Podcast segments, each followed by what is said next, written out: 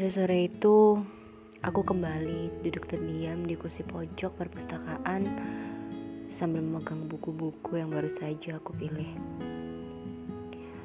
Aku memandangi lorong perpustakaan, tempat di mana pertama kali aku mengenal Z.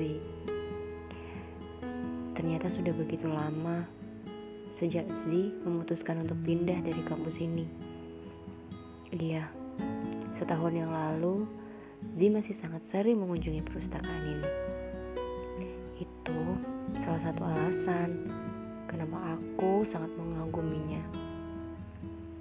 Dia manusia buku. Iya, aku menyebutnya begitu. Apakah kalian pikir kita berteman? Tidak, kita hanya sebatas kagum. Eh, maksudnya aku. Aku hanya sebatas kagum tanpa berani untuk mengenalnya lebih jauh.